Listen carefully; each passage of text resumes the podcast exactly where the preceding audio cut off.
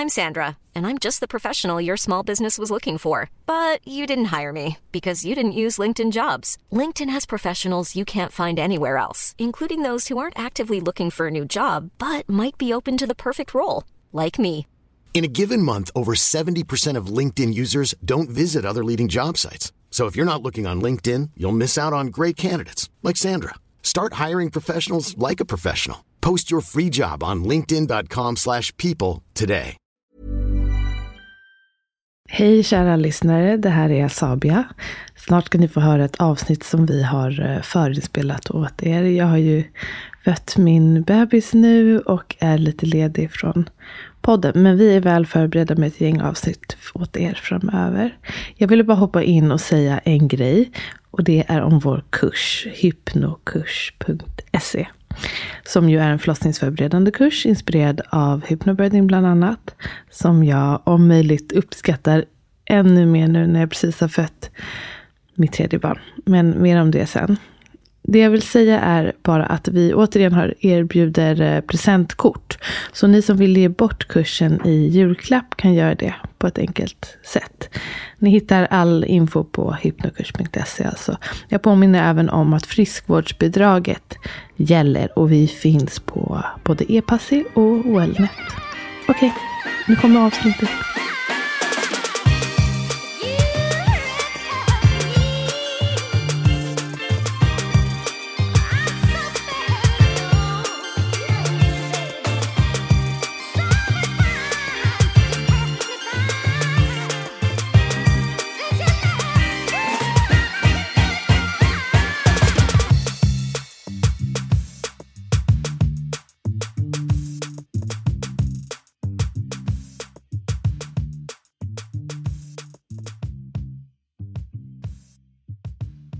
Hej och välkomna till Okrystat. Eh, lyssnar ni på just nu. Jag vill bara säga att det här är förinspelat, för man vet aldrig. Tänk om, jag vet inte, att det är inaktuellt. Vi spelar in det här i mitten av november, förinspelat för att om någon har missat det ska jag föda barn. What? Ja.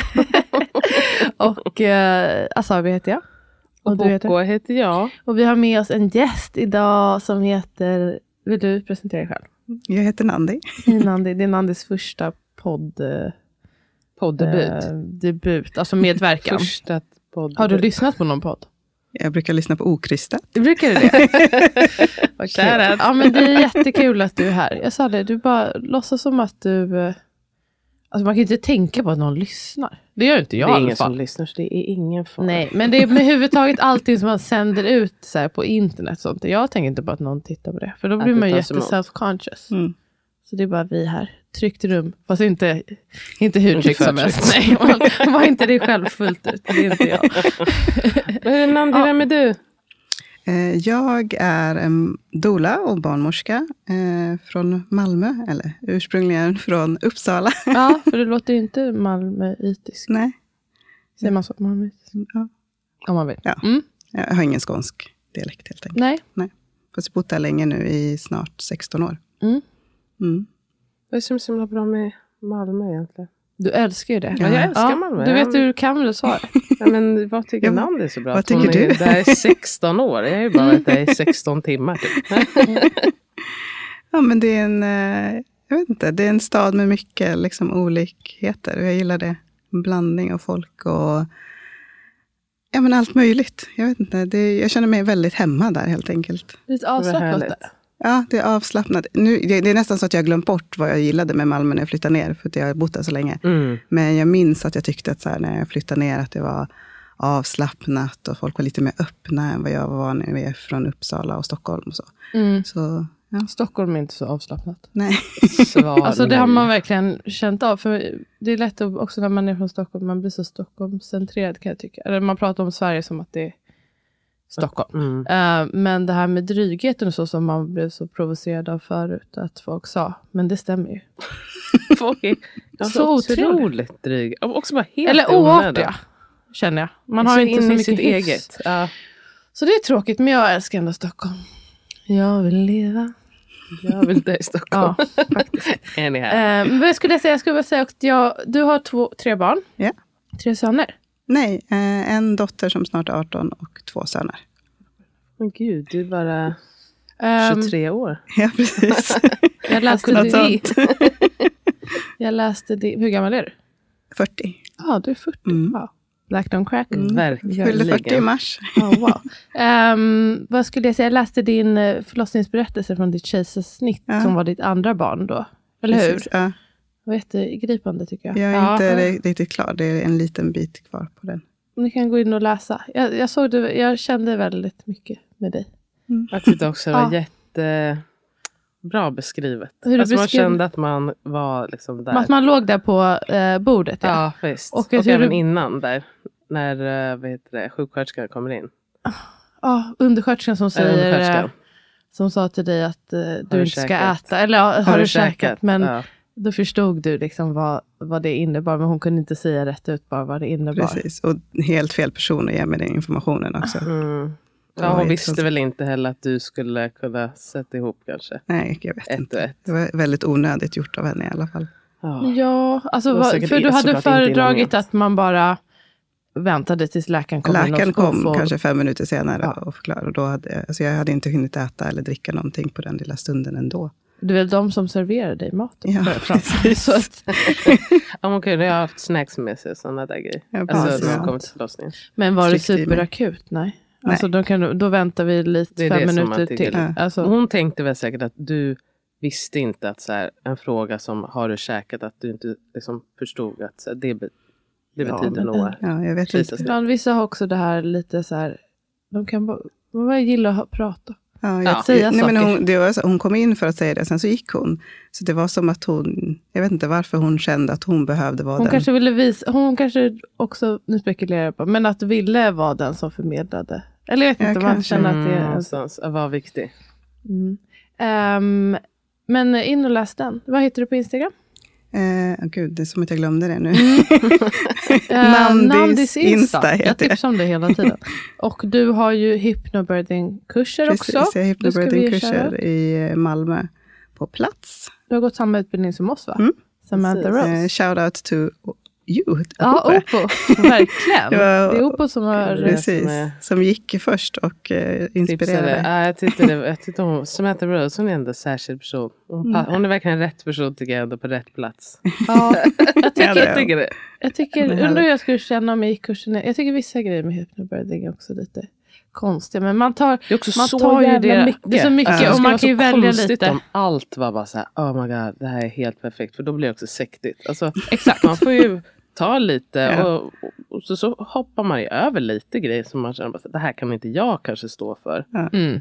Och så, så får någon annan lära ut det. Alltså, man gör ju Så får man ju göra också som en person som går kurserna. Så man kanske inte tycker allt vi säger är bra heller. Då, Antagligen inte. nej, antagligen inte. då- Eller applicerbart på en själv. Jag brukar beskriva det som att så här, det här är ett smörgåsbord på med, Exakt. med liksom verktyg. Och så, så Mm. väljer ni vilka verktyg ni gillar och vill Exakt. använda. Ni behöver inte köpa allt rakt av. Liksom. Mm. Gud, jag blir sugen på smörgåstårta. När du sa det. Visst har, du en, visst har du en kurs på G som man kan Jag använda har sig en till kurs som börjar den eh, 16 januari. Ja. i Malmö? Ja, i Malmö på Hur Ayurvedic använder- Center. Då går man in på Ayurvedic Center Malmö och där fin- klickar man sig vidare till gravid och nya föräldrar, tror jag fliken heter. Och där kan man anmäla sig. Mm. Okej, nice. Perfekt. Och får jag fråga, du dolar inte fortfarande? Eh, jo, det gör jag, fast gör väldigt selektivt. Ja. mitt Ja, Svårt att hinna det. Ja, det är svårt Alltså, att hinna det. Ja. Men- sen så har jag ju hemförlossningar också, Mm. som barnmorska. då. Födda i Skåne. Ja, födda i Skåne. Det är de som erbjuder uh, hemfödsel i Skåne va? Nej, det Nej, finns några fler. stycken. Ah, okej. Ja. Åh, vad kul. Ja. Alltså några grupper? Privata. Eller? Precis. Eh, eller privata är det Ja, såklart. det är Men bara alltså privata. enskilda personer. Ja, det finns några personer som jag, in, jag har inte riktigt koll på alla de som bara är liksom lite sig själva. Men sen så finns det, jag tror att de heter Livmödrarna. Eh, det är mina före detta kollegor. Mhm. Eh, som finns lite mer i åt Ystad-hållet. Okej. Hur hinner du, hur, hur många procent är du hem, alltså födda i Skåne? Inte många alls. Nej. Nej. Jag är mest, eh, huvudsakligen är jag backup. Så de Okej. andra två barnmorskorna, Camilla och Marie-Louise, har de flesta hemförlossningarna. Och sen Mm. så finns jag till ifall någon av dem blir sjuk eller får förhinder eller ja, måste till sitt, sin anställning. Liksom. Ja, ah, okej, jag förstår. Uh, och är det något mer som vi har glömt som du gör? Jag tror inte. Det var ändå ganska mycket. Ja. Ja, verkligen. Eh, och du, är, alltså, du har varit barnmorska i två år? Tre, Snart tre år. tre år. Ja. Och ehm, då så jobbar du först i Ystad Ja. lasarett. Precis. Ja, helt rätt. det är så fint. Jag Ja. gillar det. Det En låter väldigt tid. mysigt. Ystad lasarett. ehm, och sen nu har du bytt anställning till ett Mm. annat ställe. Jag vet inte om du säger vad du jobbar med. Men du jobbar på BB. Ja, Eh, jag jobbar på, det jag kan säga vad jag jobbar, det spelar Ja. ingen roll. Jag jobbar på BB Familj i Malmö. Ja, det kanske inte finns så många Nej. ställen Eller det finns på. två BB, ett eh, som är liksom specialist-BB där alla Mm. sjuka liksom hamnar, Mm. kejsarsnitt och stora bristningar och blödningar och Det är sånt. där du är. Nej, Nej, jag är på det där familjerna är, när man är så frisk som man Som brukar vara hotell-BB här. Ja, ibland. precis. Hur kom det sig att du, för du jobbade på förlossningen på Ystad? I Ystad så var jag både på förlossningen och BB, där eh, allt sitter ihop. Det. Eh, och neo-samvård är det också. Det finns ingen neo-avdelning i Ystad, så att vi har neobarnen hos oss på avdelningen. Så jobbar på alla, men man är liksom... Fint. Mm, Det det, låter. är jättefint faktiskt. Men det Man var långt. separerar. Det var långt och lite... Jag behövde en paus för att få ihop det med mina barn helt enkelt. Ja, Det är svårt att få ihop det. det, herregud. Hur kom det sig att du inte ville jobba på förlossningen i Malmö? Det passar inte mig, det arbetssättet som är där. Vi ska ju prata Mm. lite, vi tänkte prata om, segway. vad heter det, alltså att främja fysiologin på sjukhus, typ, är väl temat. Alltså dels, också dels att jobba inom, alltså du får berätta lite vad din syn på det, det som man brukar kalla systemet och förlossningsvården. Och hur det är att arbeta i det. När, jag tänker att du vill främja fysiologin Mm. i ditt arbete och jobbat på ett visst sätt. Du får, jag ska inte sätta ord i munnen på dig, men du får förklara lite själv. Och hur du har upplevt att det har varit att eh, liksom jobba inom systemet. Och, ja. Mm, jag Vad tänker att jag kanske kan börja med hur det var när jag var student. Mm. Och, så när jag bestämde att jag skulle bli barnmorska så tänkte jag att jag skulle jobba med förlossning. Och var liksom, det var den drivande faktorn. Jag jobbade som sjuksköterska på BB innan och tyckte liksom att det var ett jättebra jobb och jag trivdes och tyckte att det var spännande. Eh, men när jag hade min förlossningspraktik så kände jag att nej, jag ska inte jobba med förlossning. Det här är fruktansvärt. Jag tyckte att Åh, det kändes som att eh, det fanns inte en tro på att kvinnor kan föda barn. Eh, det var väldigt stressigt. Eh, ja, jag tyckte det var en miljö som liksom inte funkar för mig. Jag mådde väldigt dåligt under min förlossningspraktik. Eh, Båda, ni hade också två stycken? Vi hade tre, Tre. två olika placeringar, men tre praktiktillfällen Ah, liksom, okej. som var förlossning. Eh, så jag började tänka att nej, men jag får väl hitta något annat när jag Mm. är färdig att jobba med. Och då eh, sa en av mina kompisar som jobbade i Ystad då, då hade jag fött mitt tredje barn i Ystad. Eh, men kom till Ystad och hospitera hos oss. Jag försökte ändå Mm. byta praktik dit, men alla vill till Ystad. Mm. Mm. Det är jättesvårt att För de är liksom lite kända för att ha lite mer av en mjuk Precis, lite mer säga, liksom, profil. eh, vad fysiologisk profil. Ja, och liksom patientcentrerad skulle Mm. jag vilja säga. Eh, och det är liksom ganska välkänt i Skåne överlag. Så. Och sen så är det, nu har ju de andra sjukhusen börjat med vattenfödslar, Mm. men det har ju inte funnits på De var ju sjukhus. ganska tidiga med det. Ja, de var ju med i en studie eh, och sen så började de med vattenfödslar. Så de har liksom, det har också varit en stor sak, många vill åka dit på grund av vattenfödslar. Mm. Det är också lite mindre. Ja, Um, visst är det Signe Jansson som startade, eller var med och drev? Precis, eller hon, jag vet inte om hon startade, men hon var, var väl med i att göra det med att det var familjens liksom, upplevelse och att mannen skulle vara med och att det skulle vara som en hemförlossning fast på sjukhus, Mm. beskrev hon det. Mm. Så, och det lever liksom kvar i, i Kulturen. andan och ja, pratas om fortfarande, det pratas fortfarande om Signe Jansson och vissa av dem som, eh, jag tror att det var en av våra undersköterskor som gick i pension ganska nyligen, hade jobbat med henne och jag tror vår chef har jobbat med henne. Så det är liksom, Mm. Den finns- andan finns ja, där. Mm. det finns ändå kvar. Mm. Okej, och då, då fick du hospitera där. Ja, då hospiterade jag där ett pass och då kände jag, okej, men det här var ju helt annorlunda. Mm, så här kan det vara. Ja, På vilket kan det sätt kan du beskriva lite, vad var skillnaden? Ehm, delvis för att det är mindre så var det, eh, det var sånt tydligt liksom, mm, samarbete mellan alla. Eh, väldigt liksom, familjärt och men, trevlig stämning. Eh, och sen så var det ganska självklart. Nu var ju jag där och hospiterade och just det var ganska rörig tid. Det var precis när pandemin kom och liksom, det var lite så här, ingen, vi visste inte riktigt vad vi skulle förhålla oss till. Men då fick jag vara inne på en, ett rum då med ett par, typ hela passet. Och, och sen så den barnmorskan som jag gick med, hon var tvungen att springa lite in och ut. Men, men det blev, hon sa liksom att så här brukar vi jobba. Vi försöker jobba med hög närvaro. Och det är väldigt viktigt för oss. Det är ingen som tycker det är konstigt här. Utan man löser, de som behöver vara inne på rummen är inne på rummen. Så löser resten av personalen det som behöver hända på utsidan. Liksom. Solidariskt. Mm, det är jättefint. Och så när jag såg det så tänkte jag, men okej, kanske förlossning. Och sen så hade jag min andra förlossningsplacering, eh, min praktik. Och sen så hade jag förlossning 25, den kommer jag aldrig glömma. Det var en sån förlossning som bara så här vände allt för mig. Man ska ha 50 födslar. Precis. Mm. Så, äh, ja, nummer 25. Mm. Nummer 25. Vad, vad hände då? Hände? Det var bara, jag gick med en handledare som jag inte kände. Mm. Eh, men hon var så cool och lugn. Liksom. Mm. Hon satte sig bara på en stol och bara så här, Eh, och så var det en kvinna som födde sitt första barn. Och hon födde bara så fantastiskt fint. Liksom. Det, var all, det var bara en sån fin födsel. Att jag gick därifrån och kände bara, ja men okej. Det finns hopp. Det här, ja, jag kanske vill jobba med förlossningen då. Jag kanske kan Okej, du hade redan innan 25 födseln så hade du sagt nej, det här, ja. det här är hemskt. Nej men det kan ju vara lite chocker. Och det är så bra också att man får gå med olika känner jag. Yeah, För att, ja, jag känner, eh, jag pratar ju ofta, gud hoppas hon inte hör. jag säger inte vart det är eller någonting men jag hade i alla fall en handledare som hon lärde mig mycket om hur jag inte vill vara ja. som barnmorska. Och det var faktiskt det väldigt lärdom, vär, värdefullt. För mm. hon hade på pappret, alltså som, folk kan ju vara lite så här Ja, men det kan ju premieras med erfarenhet och erfarenhet är ju jättebra. Men erfarenhet i år är ju inte alltid eh, gör en inte till en bättre barnmorska Nej. nödvändigtvis. Och ibland kanske det är dags också att göra något annat. Ja. Kasta in någonting. Ja men faktiskt. Alltså, det är bara så att du, tycker du om att göra det här? Jag vet inte Nej. om du tycker om att göra det. Um, men och sen som du, du också så har jag haft några där det bara så här, ah. Alltså som Ida var ju en sån för mig. Det var mm. riktigt eh, ögonöppnande. Att man, kan göra det på det här sättet. Mm. Det är ja, det är, man får ris. Ja, mm. vad tur att man inte bara går med en person hela tiden. För man, då, då man skulle man också bara göra som den personen gör. Alltså, så skulle det bli om man skulle inte hitta sitt eget. Ja, jag, skulle inte, jag skulle inte förlösa alla i gynställning och eh, eh, inte röra någon och säga att man inte får ha något sällskap med.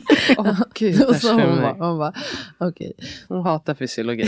ja, hon gör verkligen alltså, Hon kände i alla fall att sånt där är onödigt. Jobbar hon inte bara på OP? Alltså jag förstår inte. OP-syra, det hade varit jättebra för henne. Eh, var ja. steril, man behöver liksom inte peta på hon någon. Gillade liksom det. Sover. Hon gillade att sy, man sydde så mycket. Ja, men det får man väl ha ja. stämpla ihop. Nej, men det får man inte göra på op. Ah, du menar om hon blir kirurg? Ah, nej, ja, men hon det... får ju, alltså opsyror, de kan ju få ja, de får suturera. Ah, okay, okay. och stämpla ihop. Ah, jag tycker du ska, jag tycker du ska... Nej, hon, hon började faktiskt sen på en annan, hon slutade där sen. Ja, det var bra. Hur som helst.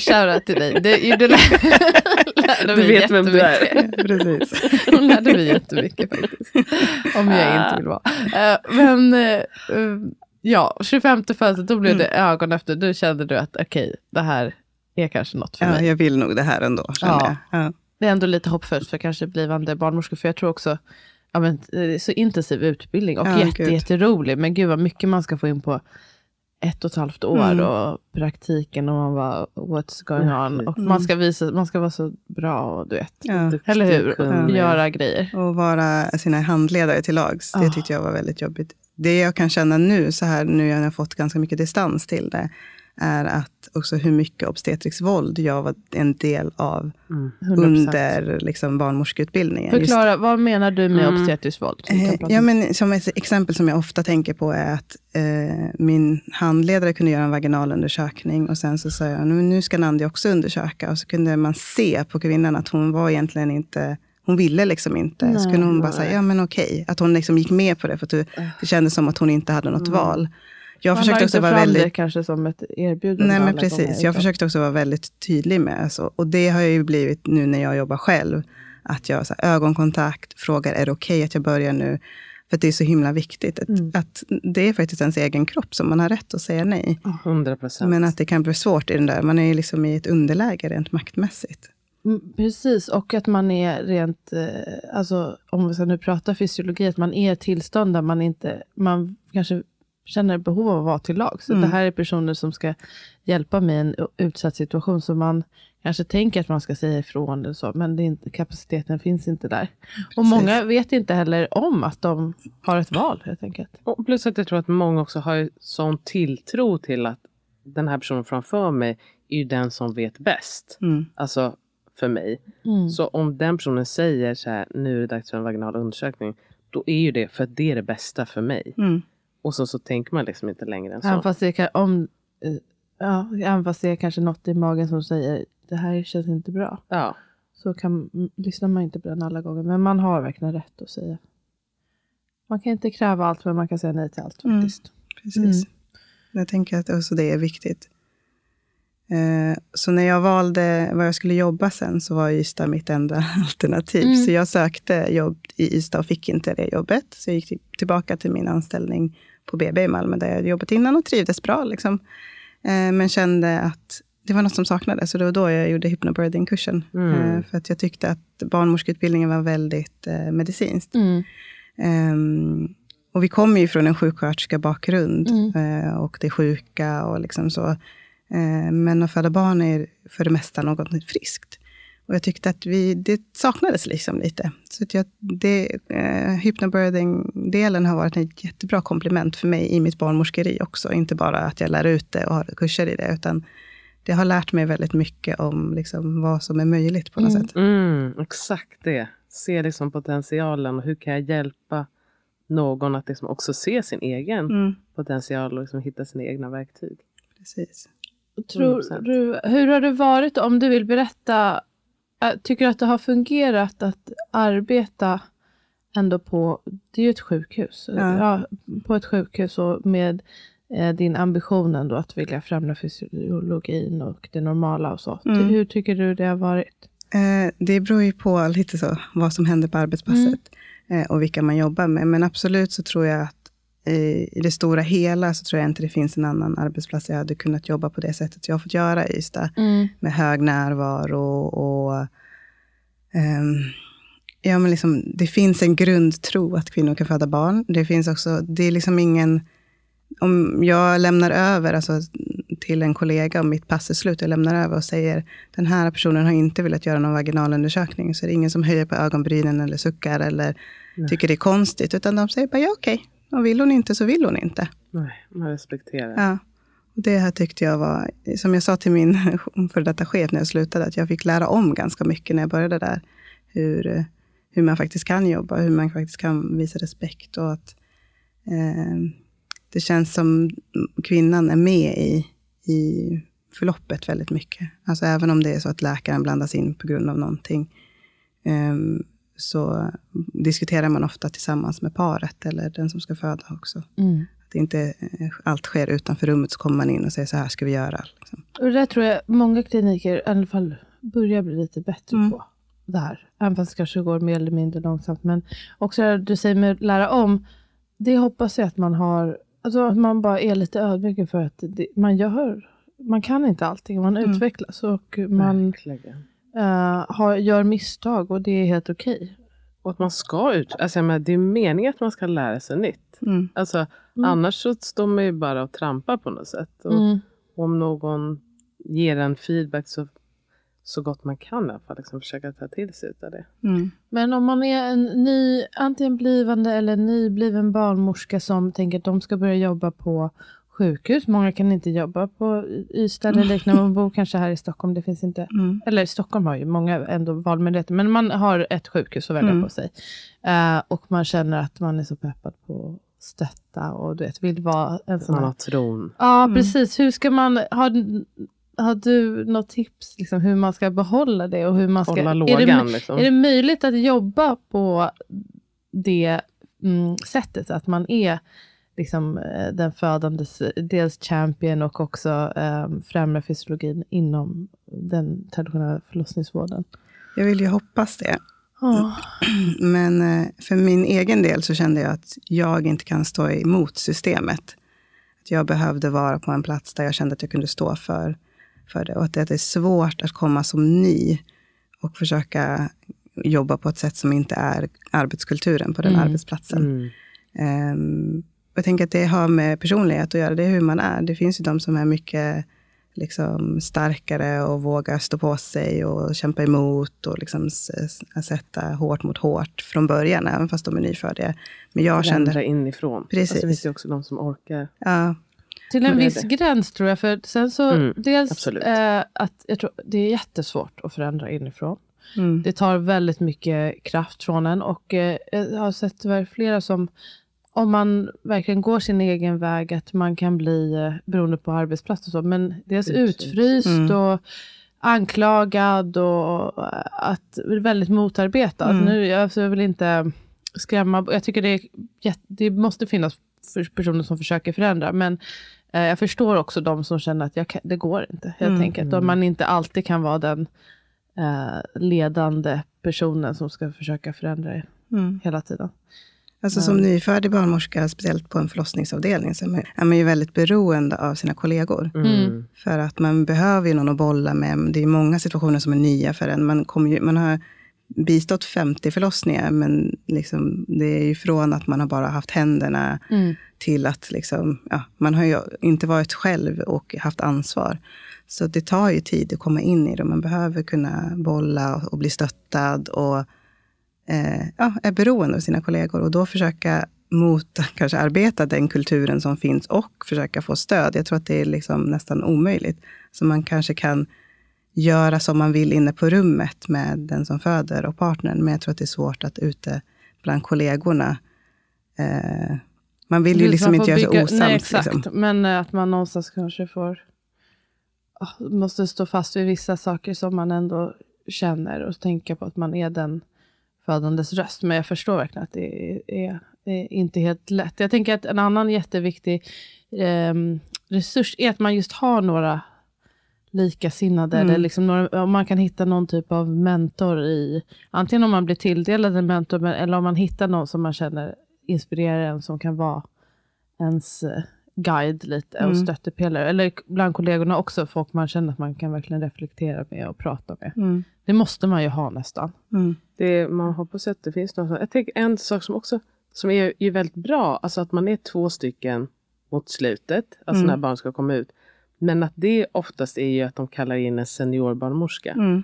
Eh, och där har jag ju sett flera gånger, alltså någon som är ung, eller ung, eller var ny. Mm. Och så har de varit på ett sätt och sen så när seniorbarnmorskan kommer, Mm. då blir de, alltså då kommer ju hon och tar över totalt. Precis, oftast. Då går man in nästan i sin studentroll. Eller Precis, liksom, det, ibland kan man säga, det är som också som att det inte finns något val. För när den personen kommer in, också vem, det skapar kanske bara ännu mer konstig stämning Mm. om jag börjar säga, ja men jag har redan gjort så här. Man vill liksom Nej, inte hamna i någon precis. typ av konflikt där framför. Mm. Så då kan, och det också så här, då kan det ofta bli liksom att det händer massa grejer och det blir liksom massa instruktioner helt plötsligt. Mm. Och det håller på liksom åtminstone så här en kvart, 20 minuter efter att barnet är fött. Och sen så kan man, är man ensam igen liksom Ja. med paret och så kan man försöka göra Ja, sin det grej. krävs ju att den som kommer in som är barnmorska två har lite självinsikt och förstår att så här, vad behöver jag göra och inte göra. Mm. Alltså, det kan jag känna att mina kollegor, som, när jag jobbar på förlossningen, oftast kom de bara in och satt sig eller ställde sig liksom på sidan. Och sen det är ju så, så, som är. Ja, och sen bra, så jag. kunde jag liksom, kan du kolla CTG medan jag Mm. tittar perineum? Alltså så här, men jag kunde säga vad jag behövde. Mm. Eller att de frågar, vad behöver du? Mm. Ehm, så inte att de kom in och tog över. Liksom. Exakt, och jag tror att så är lite tanken kanske Mm. från början. Mm. Att man ska ha två ögon till, liksom. Mm, inte någon precis. som bara tar över. Men det där, där är man ju olika. Men det kanske man kan våga förmedla. Att så här, jag, du får jättegärna komma in och bara vara i bakgrunden, Mm. liksom, om man vågar säga det. Men herregud, man måste kunna våga säga lite grejer också. Mm. Det är inte väl så just det, är så här, när ska man... Alltså att det, I stunden kanske man inte känner att man vill säga det för att man inte vill hamna i konflikt. Och sen efteråt att man kanske bara... Ah, Men jag tänker det är precis innan, alltså, när de ska komma in, bara, det, allting är lugnt. Det är bara Ja. om du kan vara här bara och Ja, precis. Ja, öga. precis jag, behö- jag behöver ingen Jag behöver hjälp Jag behöver inte det egentligen. Jag behöver ingen hjälp just nu, men det skulle vara jättetryggt om bara du bara, det skulle vara jättetryggt om du bara fanns med i bakgrunden. Jag vill se dig, inte höra dig. Ja, men eh, tyvärr känner jag personligen, det, det är lite pessimistiska Berta over here. Jag alltså, skulle inte, kanske jag kommer känna känslan, eh, lock, eh, lockelsen längre fram, men jag skulle ha otroligt svårt för att jobba på ett av våra förlossningssjukhus Mm. just nu. Ehm, det är faktiskt en eh, lite tråkig, det är en positiv grej det här med att unlearn och sådär. Mm. Men eh, jag har blivit så otroligt, eh, har ett sånt otroligt kritiskt öga. Mm. Alltså att det blir nästan så här, du, Mm. alltså det, det, Man det sitter här, och väntar på att någon ska göra fel nästan. Nej men jag vet, eller bara så här, så, så, saker som jag förstår för andra inte är värsta fel. Nej. Men för mig blir det så här, åh här, det här Varför? vad, vad, Mm. vad, är, vad händer? Alltså, Eller ribban är låg kanske. Ribban är, eller framförallt, eller så här, jag har sett att det kan vara bara på ett helt annat sätt. Och då är det så stor kontrast. ehm, och att jag faktiskt skulle jobba i eh, den miljön och kunna, inte kunna ge en vård som är i närheten av vad jag skulle vilja eh, ge, tror jag skulle vara väldigt eh, stressande för mig. Mm. Helt enkelt. Frustrerande. Det var ju så jag kände som Mm. student. Alltså det var därför jag mådde så dåligt. Liksom, för att jag kände att jag inte kunde ge... Jag kunde inte stå för det som jag gjorde. Jag kunde Nej. inte... Nej, jag och fick, det är jag fick gå, jätte- jättestress liksom, det. köra över de födande ibland på ett sätt som jag absolut inte gör nu när jag är barnmorska själv. Liksom. Mm. Mm. Eh, och att det blir en kultur på arbetsplatsen så ingen eh, funderar på det. Att det är liksom inte, eh, att det inte är konstigt. Och det kan inte jag, jag kan inte vara en del av det. Jag känner liksom att, väldigt- precis som du ja. säger, att jag tror inte att, jag tror inte att eh, de som jobbar i, det, i den kulturen tycker att det är konstigt. Men för mig som kom utifrån, med ändå en, ganska, en grundkunskap, jag hade ändå varit doula då ett tag innan och jobbat som undersköterska på förlossningen. Så jag hade ju ändå sett många förlossningar innan. Eh, och hade liksom på något sätt också en, någon typ av bas av hur jag ville bli som barnmorska Mm. och kände att det här, det här kan, det här, så här vill inte jag bli. Eh, och det, det är också svårt att känna så. Och när det ändå är så här, jag har pluggat jättelänge, jag har liksom gett mig in på det här för att jag vill. Och sen så inser jag att det, nej, men det här kommer inte jag kunna stå för. Nej. Jag Mm. inte jobba på det här sättet. Med det sagt, jag tror att det är många som jobbar på förlossning som kan göra det på sitt... Alltså säkert de som har jobbat lite och känner att de kan ehm, jobba på ett sätt som känns bra och positivt Mm. för dem. Det är ju mer jag personligen. Jag kanske också är lite...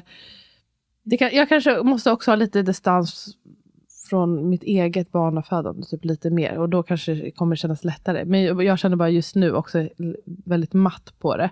Men eh, jag, tycker, jag tycker det låter... Jag ville peppa också lite blivande barnmorskor. Jag Ja, men eh, eh, alltså både blivande barnmorskor men också eh, blivande folk som ska föda på sjukhus. Vad är era bästa tips om man nu ändå ska föda Mm. tycker på det lät sjukhus? så deppigt. Det kan också vara jättebra. Ja. Kan vi inte Ja, bara men- säga Jo, det igen? absolut. Ja, alltså, Det är det kan verkligen fråga. Vi har Ja. inte så många andra alternativ. Exakt. Må- må- många har inte något Nej. annat alternativ. Vad är era liksom bästa tips? Ändå så här, men nu ska du föda på sjukhus.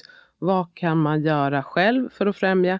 Men också vad kan Främja. man alltså, främja fysiologin? Mm. Och vad kan man som barnmorska, om jag träffar någon som ändå skriver jag vill Mm. föda fysiologiskt. Vad, vad kan man liksom tänka på där när man är själv då kanske inne på rummet? Eller Mm. vad är era tips?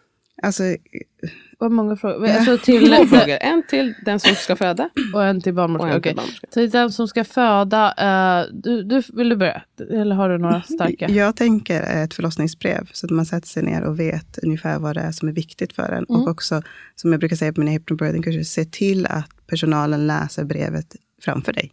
Mm. Så att du vet att de har tagit del av vad det här är viktigt. Um, också skapa en miljö så trygg som möjligt. Alltså ibland är det liksom musik eller avslappnings, alltså så hypnobirthing eller eh, ljusslinga eller ha sina egna kläder. Eller liksom det som känns viktigt för en själv och våga ta den platsen och bestämma att det här är våran förlossning. Ä, försöka äga rummet så mycket som möjligt. Och som barnmorska tänker jag att eh, jag brukar alltid säga det, när man öppnar rummet och det är så här nedsläckt och det är ljusslingor och det är deras musik. Och så kommer man in i det, då är det så tydligt att man kliver in i någon annans värld, alltså i någon annans eh, Domän. Liksom. domän. Precis. Eh, och det gör något med en. Även om det kanske är musik som jag inte tycker om, så gör det ändå någonting med mig. Att jag blir så här, okej, de har verkligen valt, här försöker de verkligen äga. Ehm, Försöka se det som något positivt. Precis. Alltså inte ett eh, hot eller att man, det är något, nu ska de göra på sitt eget sätt. Att det Och- känns läskigt. Utan, och att förlossningsbrevet är inte ett hot heller, utan Nej. det är liksom En inbjudan till. Ja, och att du kan lära känna ett, ett par eller någon som ska föda barn genom förlossningsbrevet. Jag brukar alltid läsa förlossningsbrevet på BB också, även om förlossningen är över. Ofta står det inte jättemycket om BB-tiden. Men för att det ger en annan bild som jag inte får via journalen, som jag inte får via, via mina kollegor som kanske har haft hand om dem innan. Um, så se liksom varje människa för den de är och vad de behöver och inte jag och en kursare, vi började jobba på förlossningen ungefär samtidigt. Och hon frågar mig ibland så här, men hur gör du när det är så här? Och jag bara, alltså jag har nog ingen rutin. Alltså, mm. att hitta liksom det här att det behöver inte vara samma hela tiden. Att man kan anpassa sig efter de man har framför sig. Och våga. Sen är det vissa saker som man kanske behöver rutin för att man inte ska glömma dem. Mm. Men att liksom våga vara där med dem i stunden. Och att man inte alltid behöver göra. Jag tror att det är, den, det är den största grejen som många känner. Att så här, är jag inne på rummet så måste jag göra någonting. Mm. Det räcker ibland med att bara sitta på en pall i ett hörn. Liksom. Mm. Att, att inte göra det är nästan att göra.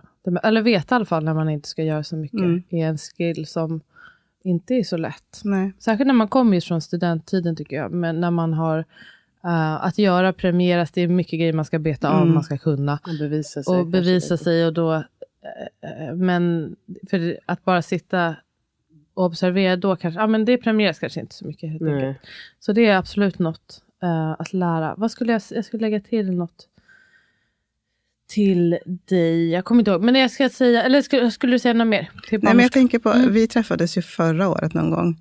Eh, och då sa du till mig att alla, vi började prata om hemfödslar och jag sa att jag, jag vet inte om jag är redo för att bistå hemfödslar. Och då sa du, men det borde ju egentligen alla nyfödda barnmorskor göra. Mm. Eh, så jag började ju bistå hemfödslar för nästan ett år sedan nu. Eh, och jag tänker att det har verkligen gett mig jättemycket. Mm. Att gå in i, liksom, att ha varit där hemma hos andra människor. Och där, som på en hemfödsel så gör man ju väldigt lite. Och sen så komma till sjukhusmiljön och kunna anpassa det till alltså det jag har lärt mig av hemfödslarna. Ja, att så här, här har vi en frisk kvinna, normal graviditet, vi förväntar oss en normal förlossning. Det är en hemförlossning, fast vi är på sjukhus. Vad behöver jag göra? Mm. Jag behöver inte göra någonting. någonting. Jag tror det jag tänkte med det var ju dels att, för vi ska ju som barnmorskor, det är ju, vårt kunskapsområde ska ju vara det normala friska. Mm. Um, men, uh, och fysiologiska så. Fysiologiskt då menar man alltså ostört, att det inte, man har inte försökt skynda på eller sakta ner eller dämpa liksom, med någon, uh, någon stark smärtlindring eller så.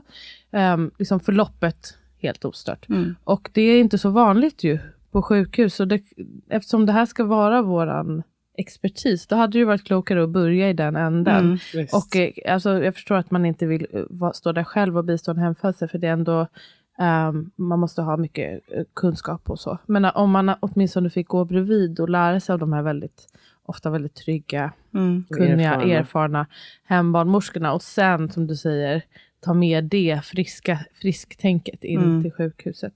Hade ju varit toppen. Jag vet att man gör så i vissa delar av Nederländerna, att man först uh, mm.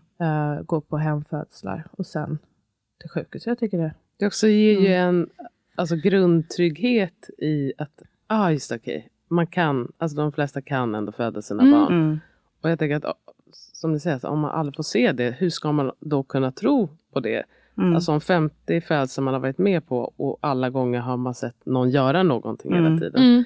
Då, då, vet man ju inte vad alternativet är. Man tappar absolut tron.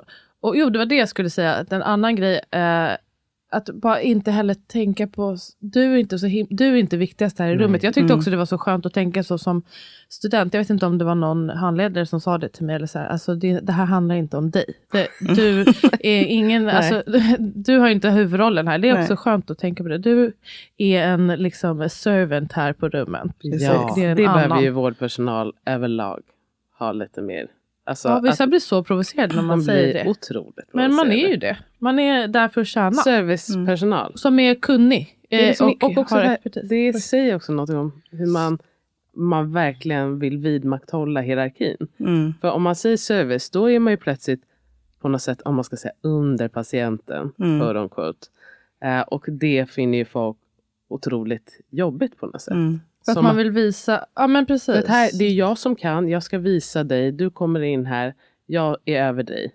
Jag ska förlösa. Alltså det Mm. där tänket finns ju ändå. Mm. Eh, hos många. Det Absolut, handlar absolut. ju också om att uh, unlearn. Um, Jag skulle säga på alltså alla avdelningar. Ja. Mer eller mindre. Ja, säkert.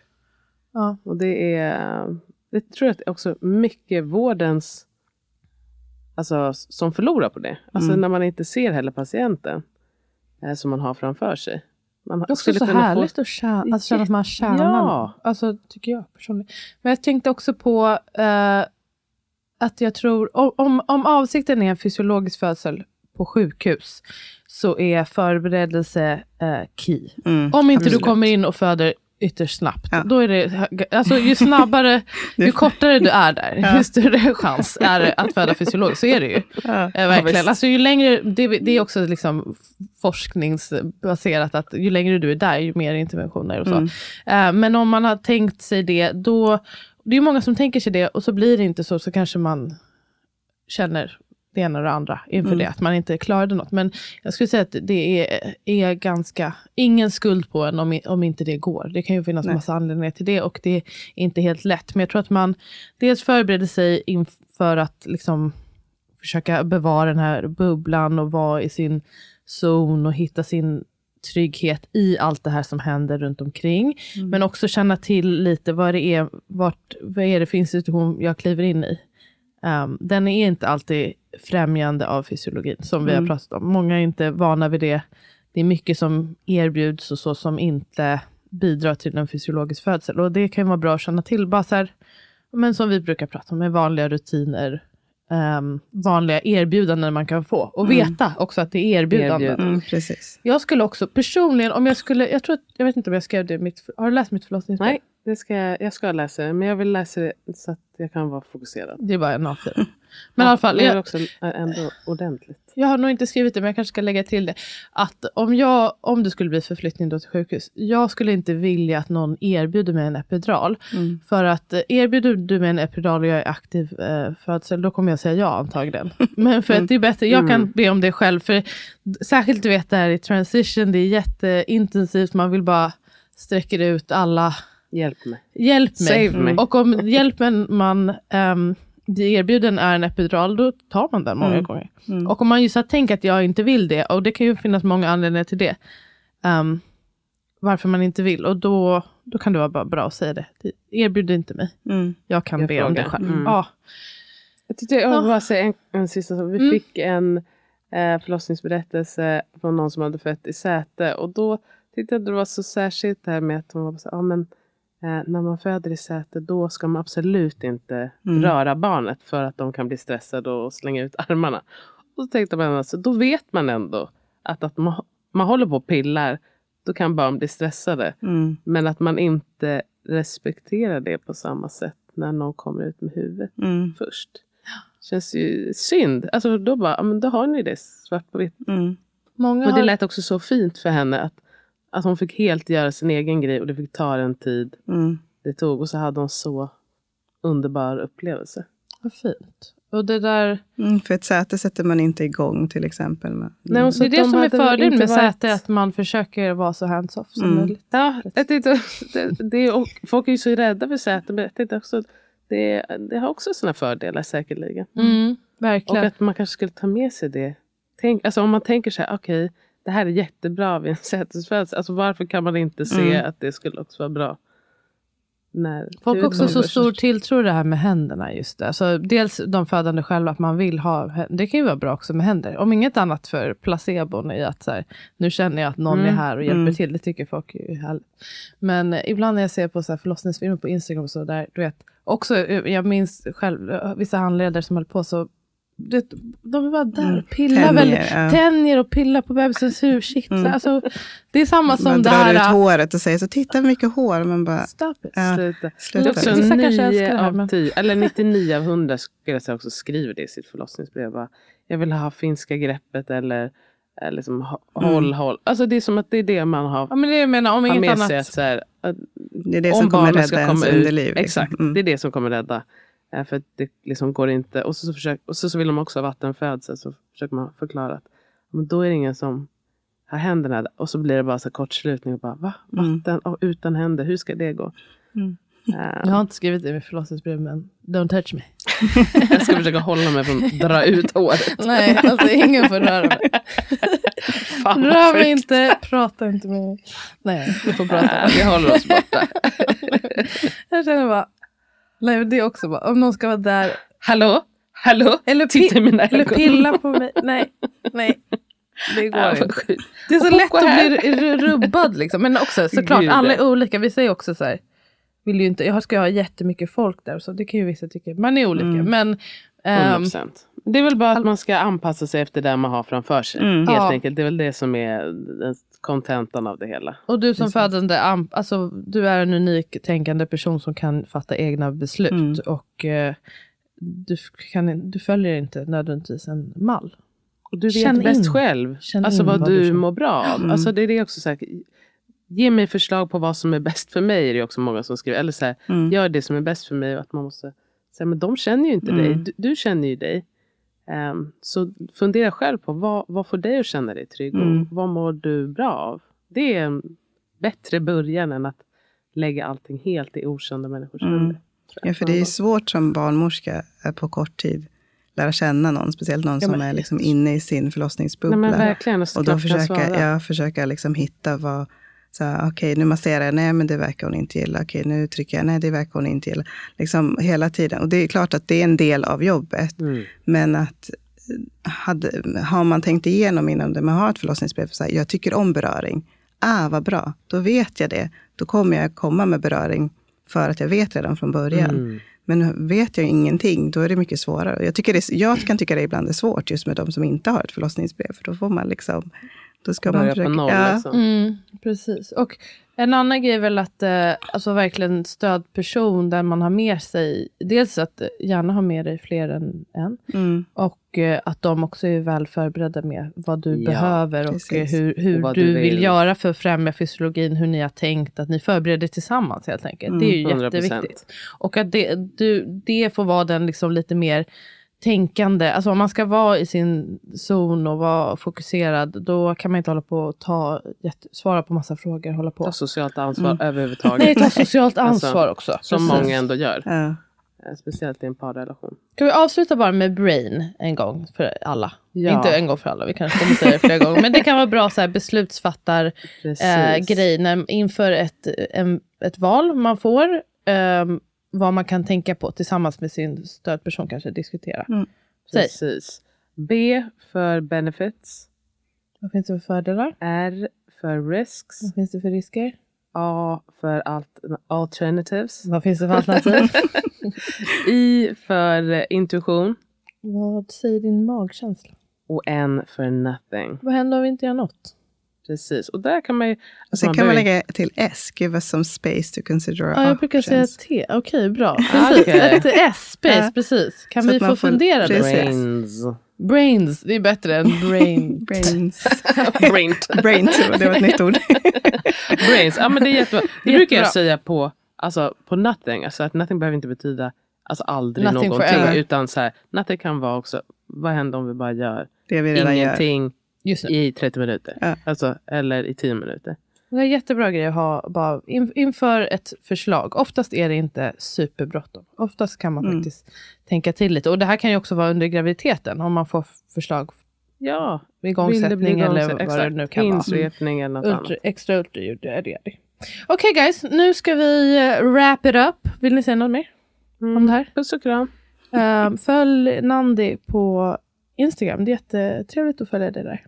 Verkligen. Men jag längtar efter att du skaffar en ny telefon. Men du skaffade en ny telefon. Jag har skaffat sen, en ny telefon. har du, du har gjort det? Men den funkade inte så... så Jo, men jag har en ny telefon, fast den är, inte, den är liksom inte ny ny. nej, nej, men den ändå... Nyare än den andra Ja, telefonen. Så, då kan ni följa henne. Okej, Annars får jag inte följa.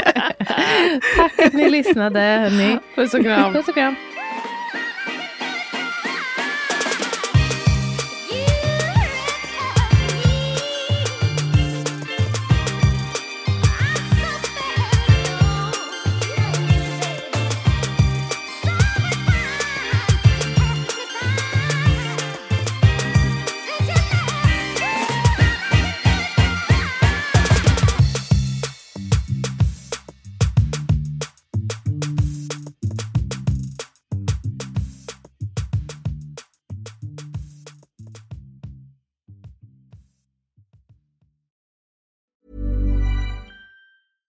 Hey, it's Paige DeSorbo from Giggly Squad. High quality fashion without the price tag. Say hello to Quince.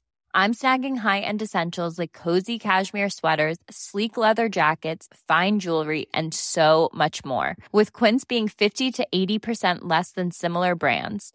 And they partner with factories that prioritize safe, ethical, and responsible manufacturing. I love that. Luxury quality within reach. Go to quince.com slash style to get free shipping and 365 day returns on your next order.